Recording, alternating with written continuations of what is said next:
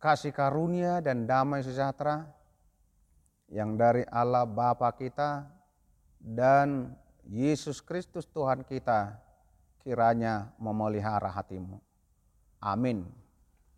Sahabat rohani yang terkasih, saroha di dalam Yesus Kristus, Nats renungan bagi kita hari ini tertulis di dalam Matius pasal 24 ayat 3, 12 sampai 13.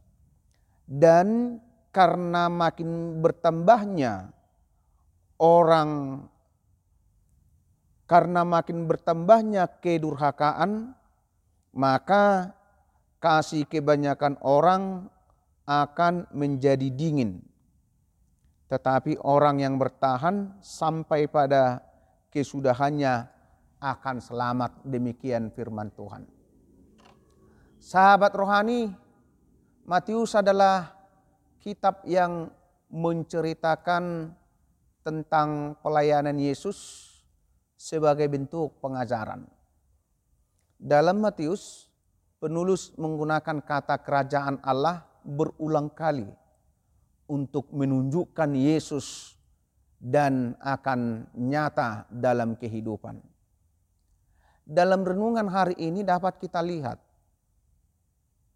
membahas mengenai masa depan kerajaan Allah. Kata durhaka merujuk kepada perbuatan kita yang tidak sesuai dengan ajaran-ajaran kekristenan. Salah satunya adalah kasih. Apabila kita manusia tidak menghidupi kasih dalam diri, maka hati kita akan menjadi tawar.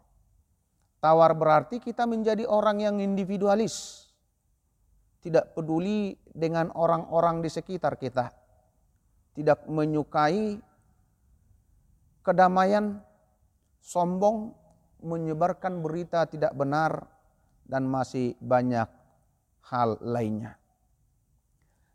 Orang yang hidup dengan mendeladani Kristus akan hidup dalam kerajaan Allah. Kerajaan Allah yang dimaksud bukanlah suatu tempat yang bisa kita lihat dengan penglihatan kita. Tetapi kerajaan Allah dapat terlihat dari tindakan kita sehari-hari. Apabila kita hidup melakukan tindakan kasih, berarti kerajaan Allah ada dalam diri kita. Contoh tindakan melakukan kasih yaitu kesabaran, mau menolong sesama kita, tidak egois, dapat mengendalikan diri dan berhati hati dalam bertindak.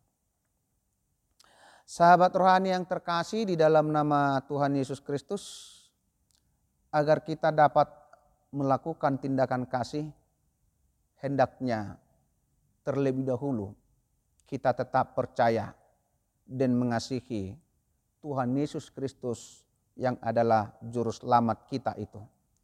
Sehingga dari kasih kita kepada Yesus akan terpancar kasih kita kepada sesama kita, kepada orang lain dan sekitar kita. Amin. Tuhan Yesus memberkati.